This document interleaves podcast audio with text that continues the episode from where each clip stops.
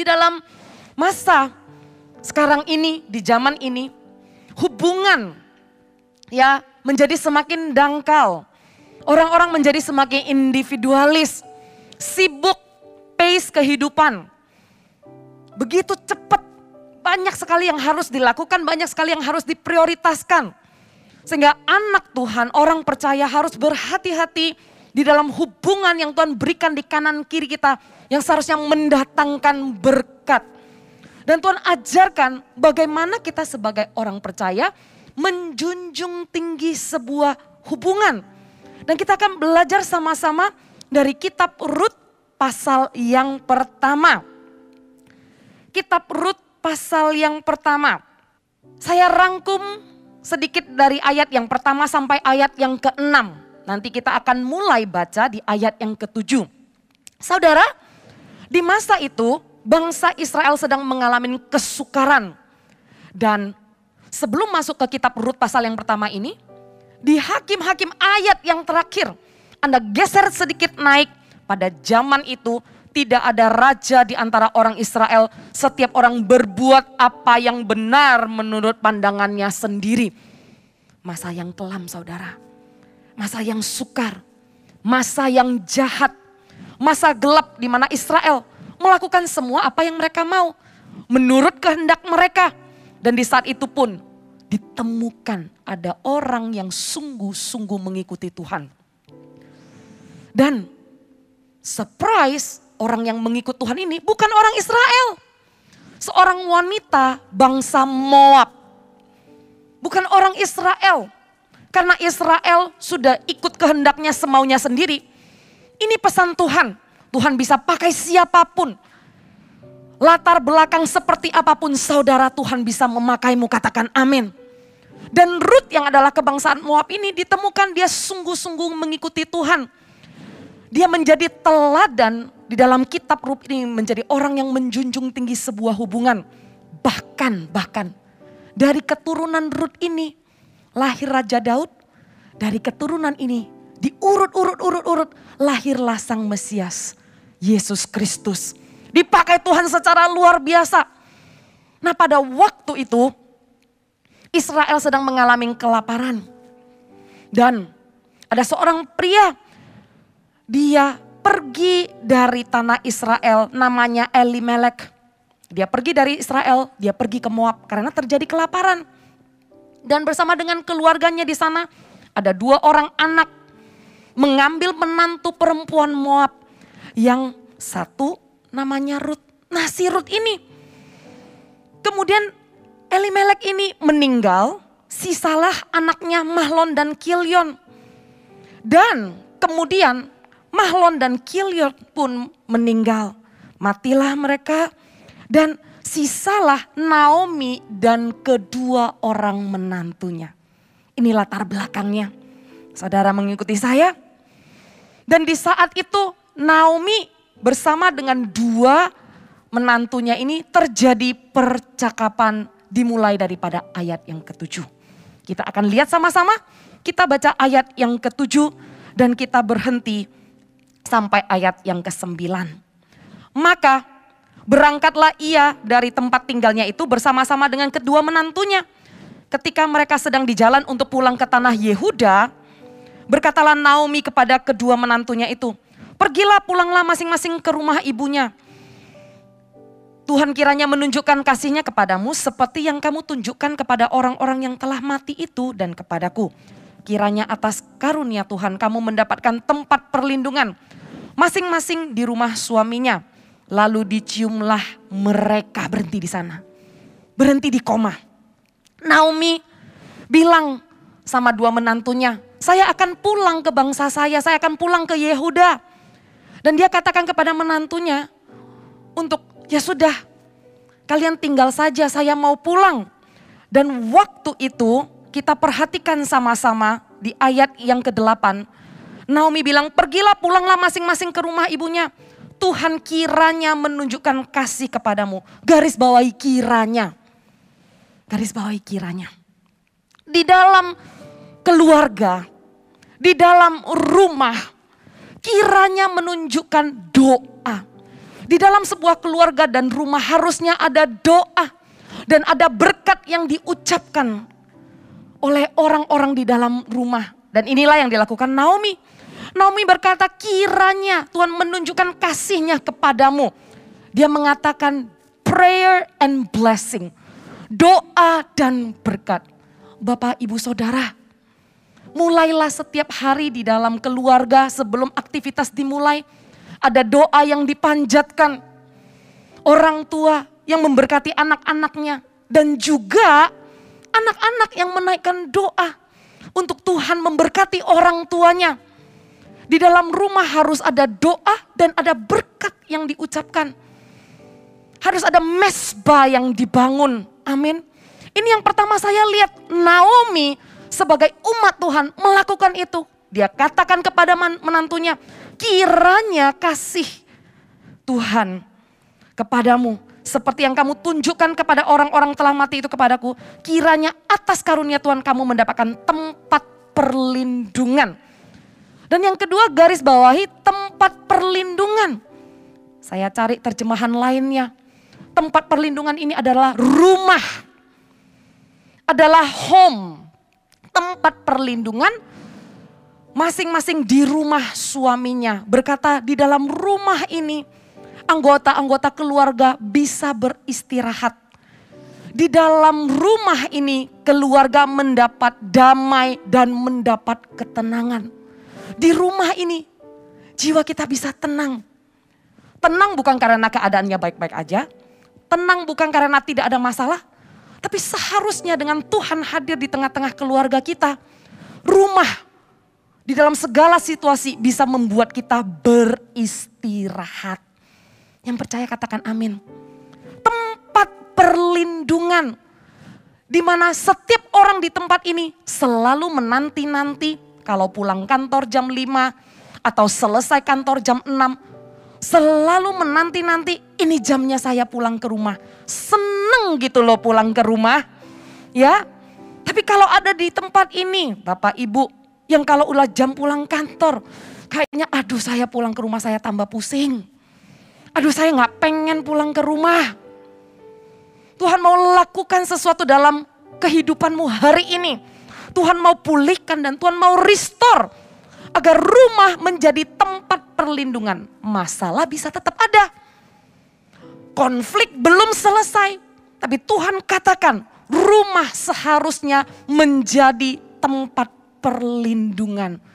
Tapi Anda pertama-tama harus mengerti dulu bahwa hubungan yang dijunjung tinggi yang akan membawa damai itu bukan lepas dari masalah, bukan konfliknya selesai, tapi Pertama-tama Tuhan mau kita menjunjung tinggi sebuah hubungan. Sehingga mau masalah ada, mau konflik ada. Sewaktu kita menjunjung tinggi sebuah hubungan, maka damai itu tetap di dalam hati kita. Maka ketenangan itu tetap ada di dalam hati kita. Ke mana pun kita pergi dan rumah kita pun menjadi tempat perlindungan. Amin. Kita lanjutkan di ayat berikutnya. Kiranya ayat yang ke-9, atas karunia Tuhan kamu mendapat tempat perlindungan masing-masing di rumah suaminya. Lalu diciumlah mereka. Naomi sudah berkata kata-kata perpisahan. Dia udah ucapkan doa, dia ucapkan berkat supaya menantunya bisa ketemu suami yang baru gitu ya. Dan dia nggak mau kalau menantunya ikut dia susah. Naomi mengalami kesulitan dalam kehidupannya dia pergi dari tanah Israel komplit, pulang menjadi janda. Pulang dia broken, pulang dia sudah menjadi miskin, gak punya apa-apa. Dan di saat Naomi mengalami kesulitan itulah hubungannya diuji. Di ibadah pertama, saya berkhotbah tentang Abraham dan Lot di mana hubungan diuji waktu kelimpahan. Waktu Abraham dan Lot sama-sama lagi kaya raya, lagi melimpah dan terjadi pertengkaran. Dan di ibadah ini hubungan diuji waktu terjadi kesesakan. Waktu Naomi di dalam keadaan yang broken, di dalam ke keadaan kehilangan semuanya, di saat itu hubungannya diuji. Mari kita lihat tokoh ini dicatat di dalam Alkitab dan tokoh ini menunjukkan teladan bagaimana Ruth dan Naomi menjunjung tinggi sebuah hubungan. Ditunjukkan dari sikap mereka. Kita akan belajar sama-sama sikap seperti apa yang mereka tunjukkan yang kita bisa adopsi, kita bisa catat baik-baik. Saya lanjutkan, kita bisa dapatkan poinnya dari ayat yang ke-10 sampai ke-18. Kita lihat kembali firman Tuhan Rut pasal yang pertama, ayat yang ke-9 setengah tadi yang koma, kita lanjutkan sampai 18 sampai kepada komanya, ya ini dia. Tetapi mereka menangis dengan suara keras dan berkata kepadanya, tidak kami ikut dengan engkau pulang kepada bangsamu. Tetapi Naomi berkata, pulanglah anak-anakku, mengapakah kamu turut dengan aku? Bukankah tidak akan ada lagi anak laki-laki yang kulahirkan untuk dijadikan suamimu nanti? Pulanglah anak-anakku, pergilah. Sebab sudah terlalu tua untuk aku bersuami. Seandainya pikirku ada harapan bagiku dan sekalipun malam ini aku bersuami, bahkan sekalipun aku masih melahirkan anak laki-laki, masakan kamu menanti sampai mereka dewasa? Masakan karena itu kamu harus menahan diri dan tidak bersuami? Janganlah kiranya demikian. Anak-anakku bukankah jauh lebih baik, lebih pahit yang aku alami daripada kamu? Sebab tangan Tuhan teracung terhadap aku.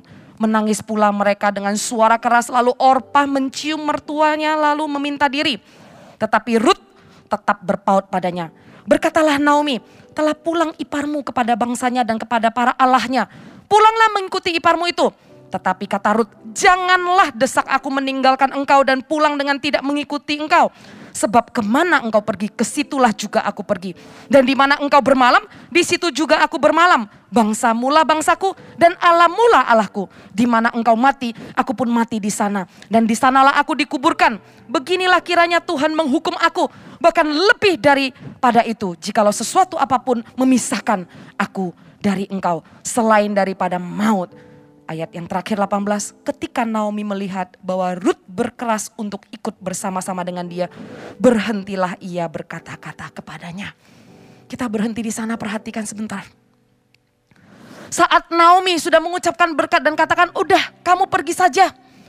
Supaya kamu punya tempat perlindungan dengan suami-suamimu menangis mereka.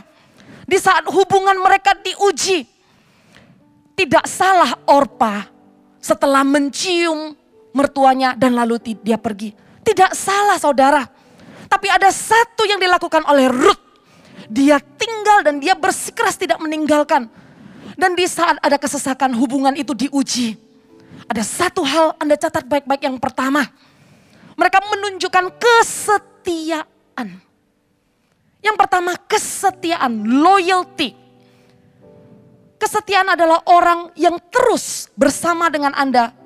Baik itu di masa yang tidak enak atau di masa menang. Kemenangan atau kesesakan orang ini memilih. Aku akan terus bersama denganmu. Dan itulah yang dilakukan oleh Ruth.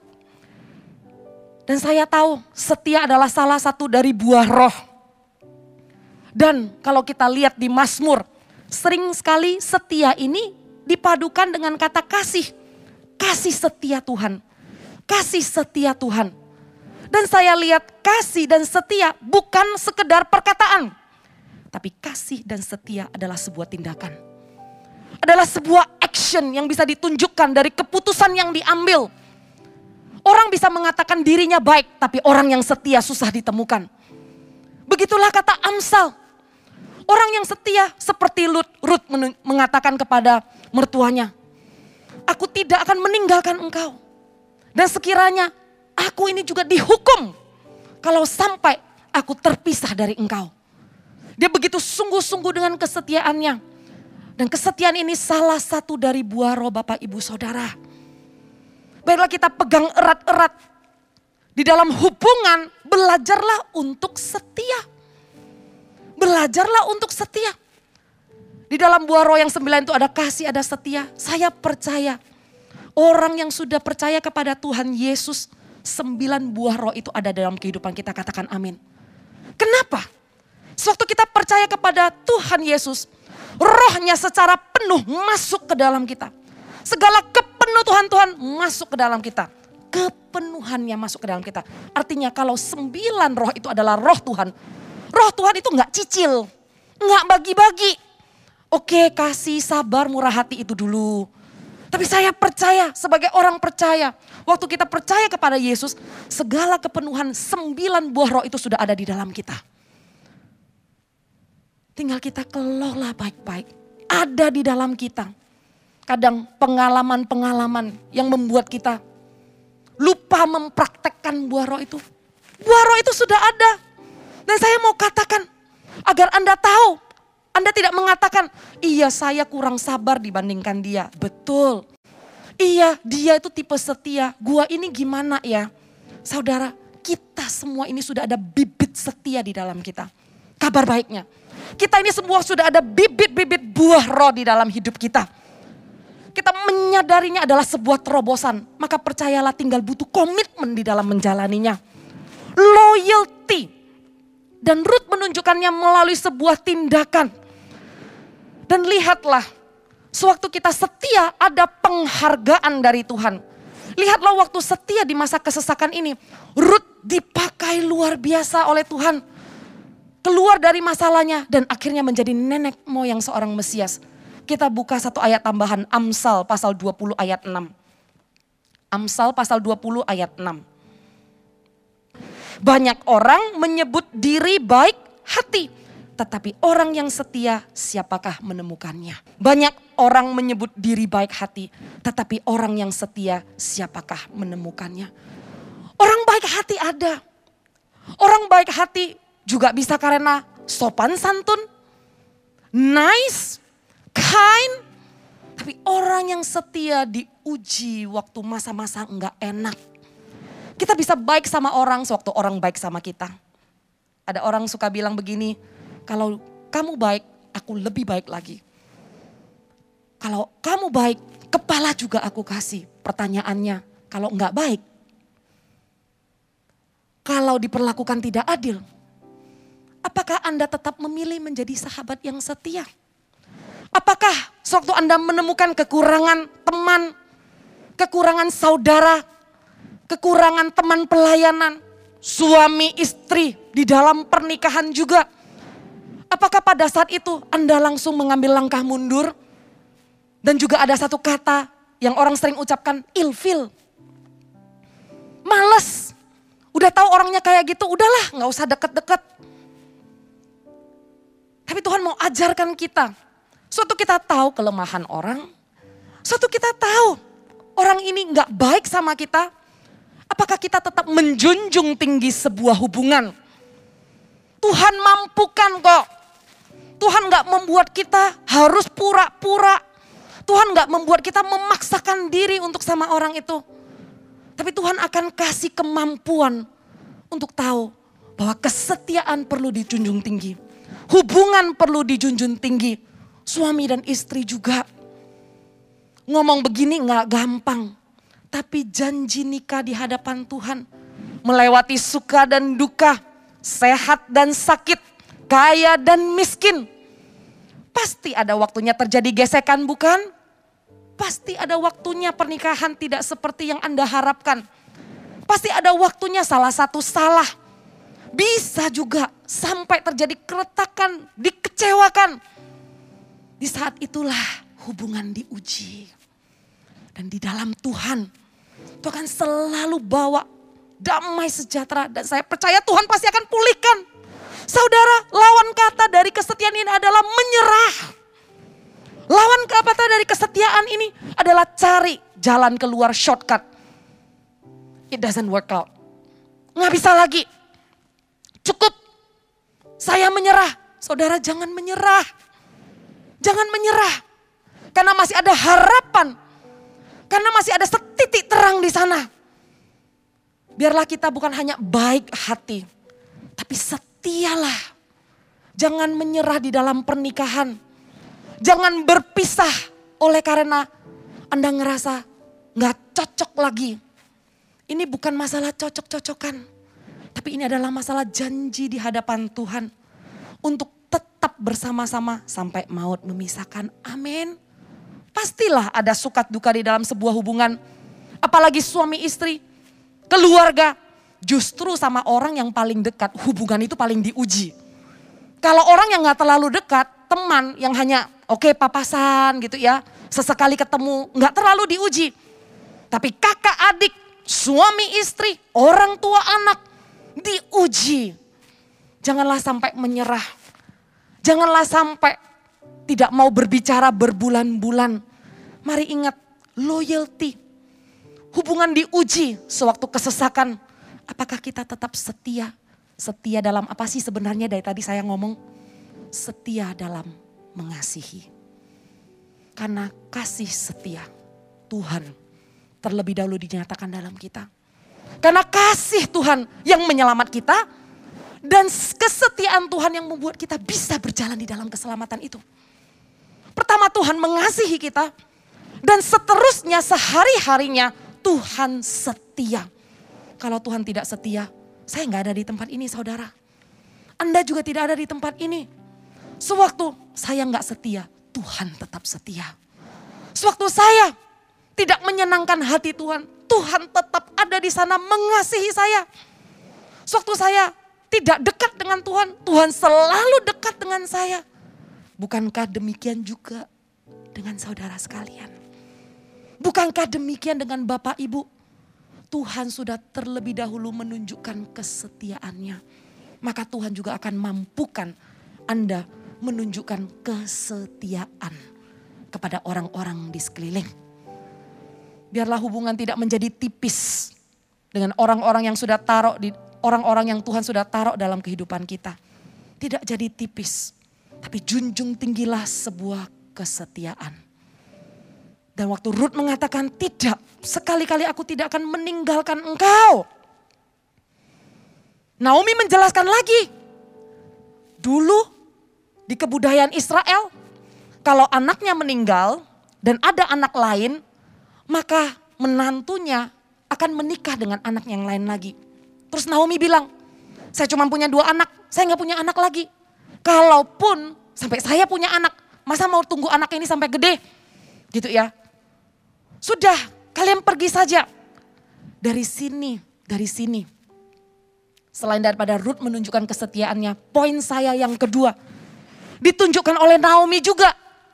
Hubungan mereka ini berdua ini menjadi teladan di dalam sebuah hubungan. Apa yang Naomi tunjukkan? Sikap yang pertama kesetiaan yang ditunjukkan oleh Ruth. Sikap yang kedua ditunjukkan oleh Naomi adalah sikap rela berkorban rela berkorban. Dia tahu dia akan pulang ke kampung halamannya ke tanah Yehuda dan pastinya Naomi sudah berumur. Dia rela berkorban dengan membawa namanya pindah pulang kampung. Bisa bayangkan gak dia membawa semua barang-barangnya.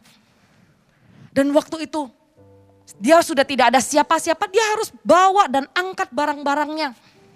Dan dia rela berkorban untuk memikirkan kebahagiaan menantunya. Dan dia tahu dia nggak ada keturunan lagi yang bisa diberikan kepada menantunya. Jadi kalau sampai menantunya ikut kepada dia nggak ada untungnya. Tapi dia menunjukkan sikap rela berkorban. Tahu kenapa Naomi bisa menunjukkan sikap rela berkorban? Karena dia bukan orang yang kepahitan. Dia bukan orang yang menyimpan kekecewaan. Orang yang menyimpan kekecewaan dan kepahitan tidak bisa pikirkan orang lain akan berpusat kepada diri sendiri. Sewaktu Naomi kehilangan segalanya, dia tahu Tuhan sedang berperkara dengan dia. Tapi Naomi tidak memilih untuk marah dan kecewa. Dia tidak memilih menyalahkan Tuhan. Berhati-hatilah dengan reaksi kita. Karena reaksi kita akan dilihat oleh sekeliling kita. Dan kita juga akan menuai reaksi yang kita tabur. Reaksi yang Naomi tabur adalah reaksi yang siap berkorban. Dia tidak dikontrol oleh kekecewaannya. Dia tidak memilih pahit. Dia memberikan dirinya untuk memberkati menantunya. Pergilah, jangan ikut sama aku. Nah kemudian apa yang Naomi tuai? Naomi rela berkorban, maka dia juga tuai dari menantunya yang memberikan dirinya dan berkorban untuk Naomi juga. Sesudah Naomi ngomong begitu, Orpa menciumnya. Dan kemudian Orpa pergi. Tapi Ruth sekali lagi dia tetap tinggal dan dia tidak mau pergi. Karena Ruth melihat Naomi menunjukkan sikap rela berkorban. Orang belajar lebih cepat dari contoh daripada kata-kata. Naomi adalah umat Tuhan orang Israel. Ruth bukan orang Israel, orang Moab. Dia bukan orang yang percaya kepada Tuhan Israel. Tapi oleh karena Naomi menunjukkannya dari sikap. Dari tindakan yang berbicara lebih kencang daripada kata-kata. Dalam kehidupan kita juga seperti itu. Orang lebih melihat sikap orang Kristen seperti apa daripada daripada hanya kata-kata saja. Daripada hanya menyampaikan kesaksian-kesaksian orang-orang, tapi diri sendiri tidak memberikan contoh dan teladan yang baik. Tidak akan berbicara dalam kehidupan orang lain. Dan waktu Ruth melihat Naomi menunjukkan teladan, sikap yang baik, rela berkorban. Padahal yang ditimpa masalah ini Naomi kehilangan suami, kehilangan dua anak. Tapi pada saat itu pun dia masih bisa pikirkan kebahagiaan menantunya. Dia nggak mikir kalau kalian berdua pergi, saya bagaimana? Dia nggak mikirkan saya bawa barangnya gimana. Tapi pada saat dia udah sedih, dia masih punya ruang. Itu dia saudara. Orang yang menjunjung tinggi sebuah hubungan sangat teruji di masa kesesakan. Sudah kepepet masih bisa mikirin orang. Udah susah, nggak melulu berpusat sama diri sendiri. Untuk itu, saat kita susah, sebenarnya Tuhan sedang mau membawa kita naik level. Berhati-hatilah supaya kita nggak jawab begini. Hah, pelayanan? Saya aja masih nggak bisa mengatur problem hidup saya. Saya sendiri masih banyak urusan. Saya sendiri masih belum dapat jawaban doa. Berhati-hatilah supaya kita tidak mengatakan dan melontarkan kata-kata yang seperti itu. Karena kenapa? Di saat kesesakan, hubungan kita sama Tuhan diuji. Di saat kesesakan, iman kita bukan teori.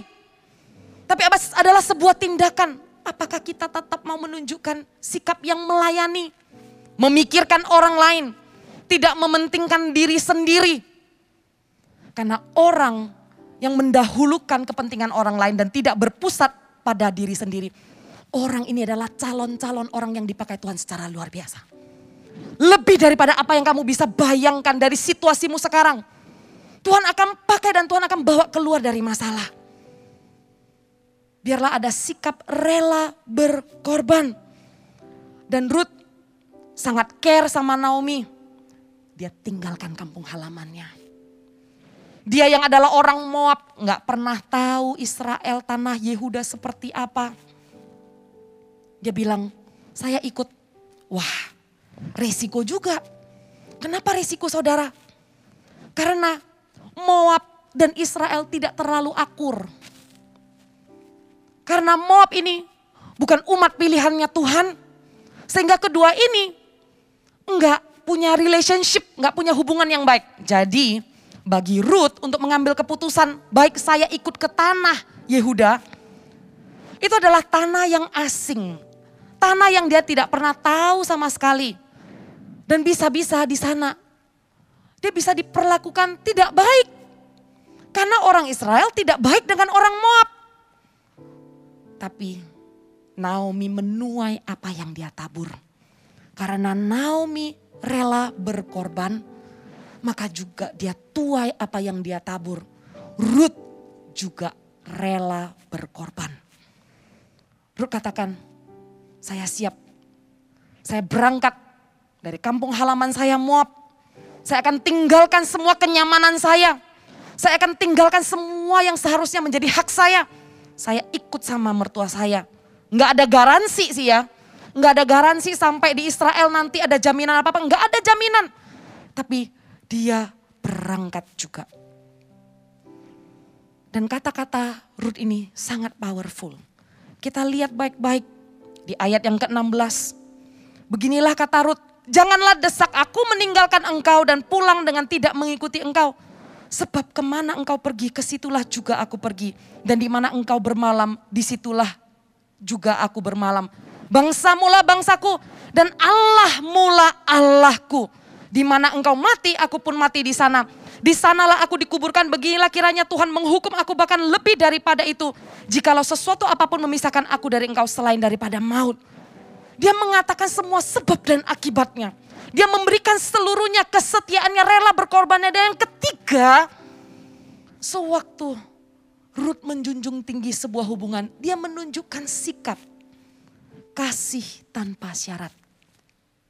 Ini yang ketiga saudara. Dia menunjukkan sikap kasih tanpa syarat.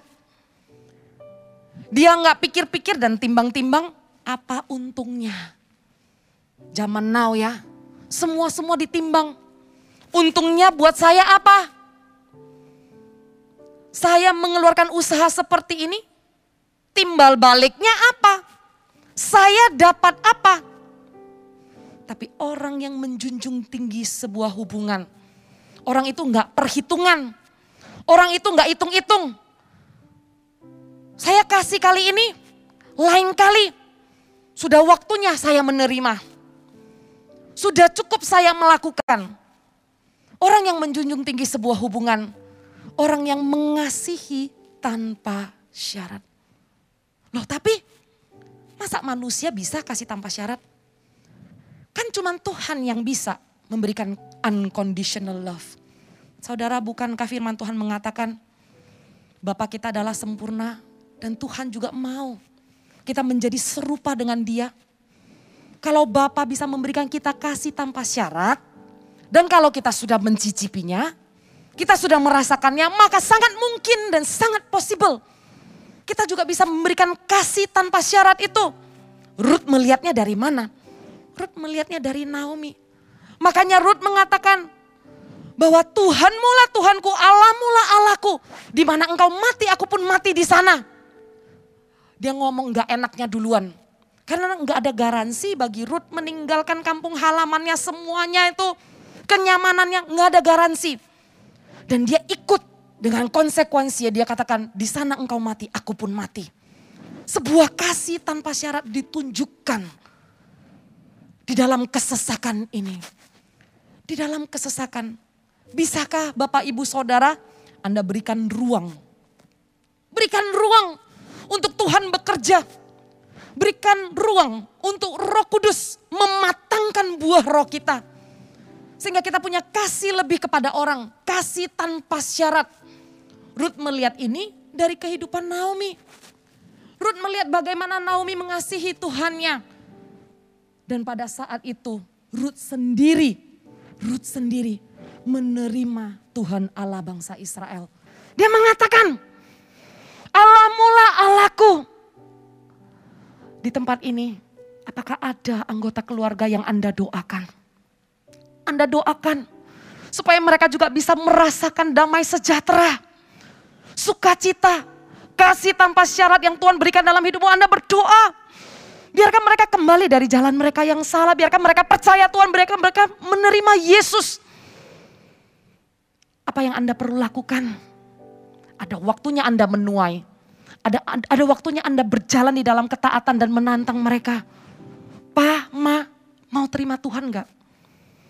ko, c, paman, tante, mau terima Tuhan gak? Ada waktunya kita menuai. Tapi sebelum waktu itu datang, pertama-tama tunjukkanlah kasih itu. Kasih adalah action. Kasih bukan cuma sekedar kata-kata. Kasih juga bukan perasaan. Tapi adalah sebuah keputusan tindakan yang dilakukan tanpa syarat.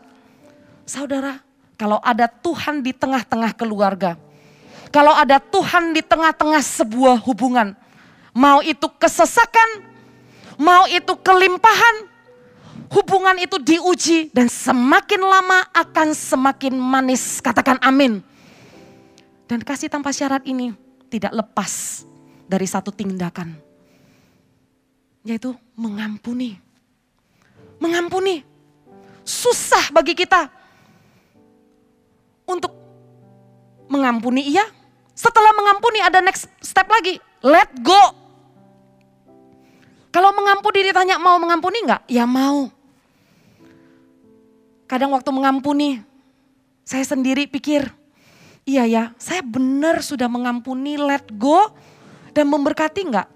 Atau di step-stepnya pengampunan, jangan-jangan Anda cuma capek, mangkel, ah daripada gue capek ya sudahlah. Tapi belum benar-benar mengampuni, belum benar-benar let go. Kasih yang tanpa kasih tanpa syarat ini berbicara tentang paket secara keseluruhan. Tanpa syarat artinya Anda memberikan paket kasih ini full. Seperti Anda menerima paket kasih dari Tuhan full. Buat dosa Anda di masa lalu, buat dosa yang belum Anda lakukan bahkan, tapi tidak memberikan izin dan lampu hijau untuk Anda berdosa. Kasih karunia Tuhan itu full mengampuni kita secara keseluruhan. Maukah kita belajar?